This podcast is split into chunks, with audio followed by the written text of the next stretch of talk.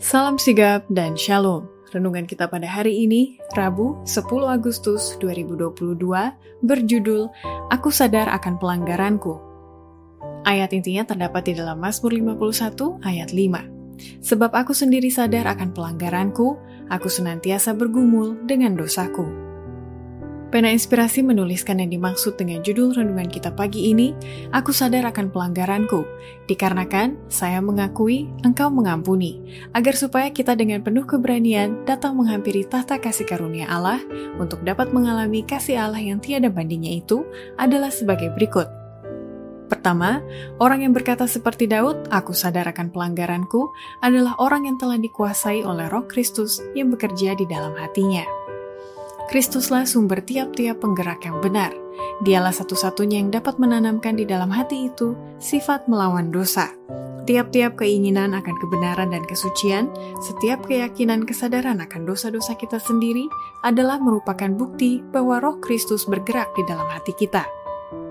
Kedua, orang yang berkata seperti Daud, "Aku sadar akan pelanggaranku," adalah orang yang sedang ditarik oleh kuasa Kristus, sehingga pengaruh kuasa itu akan membangunkan hati nurani orang itu, dan kehidupan tabiatnya pun ikut diperbaiki. Memang benar bahwa manusia itu kadang-kadang malu terhadap jalan-jalannya yang penuh dosa, serta meninggalkan kebiasaan-kebiasaan mereka yang buruk, sebelum mereka sadar bahwa mereka sedang tertarik kepada Kristus. Tetapi bila mana mereka mengadakan satu usaha untuk membaharui dari satu kerinduan untuk melakukan yang benar, kuasa Kristus itulah yang menarik mereka. Satu pengaruh yang tidak mereka sadari bekerja di dalam jiwa mereka, sehingga hati nurani dibangunkan dan kehidupan tabiat pun diperbaiki.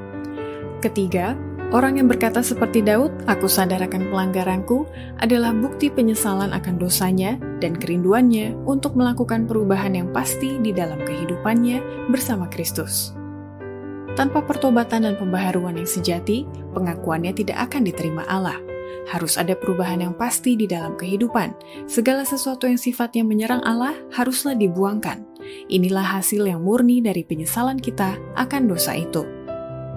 Keempat, Orang yang berkata seperti Daud, "Aku sadar akan pelanggaranku," adalah bukti orang itu menyesal dan berpaling dari dosa yang jahat itu, dan ia siap untuk diubahkan oleh kuasa Roh Kudus di dalam kehidupannya. Di dalam pertobatan, termasuk penyesalan akan dosa dan berpaling daripadanya. Kita tidak akan meninggalkan dosa itu kecuali kita melihat betapa jahatnya dosa-dosa itu. Sebelum kita mengenyahkannya dari dalam hati kita, tidak akan ada perubahan yang sesungguhnya di dalam kehidupan. Demikianlah renungan kita pada hari ini. Kiranya Tuhan memberkati kita semua.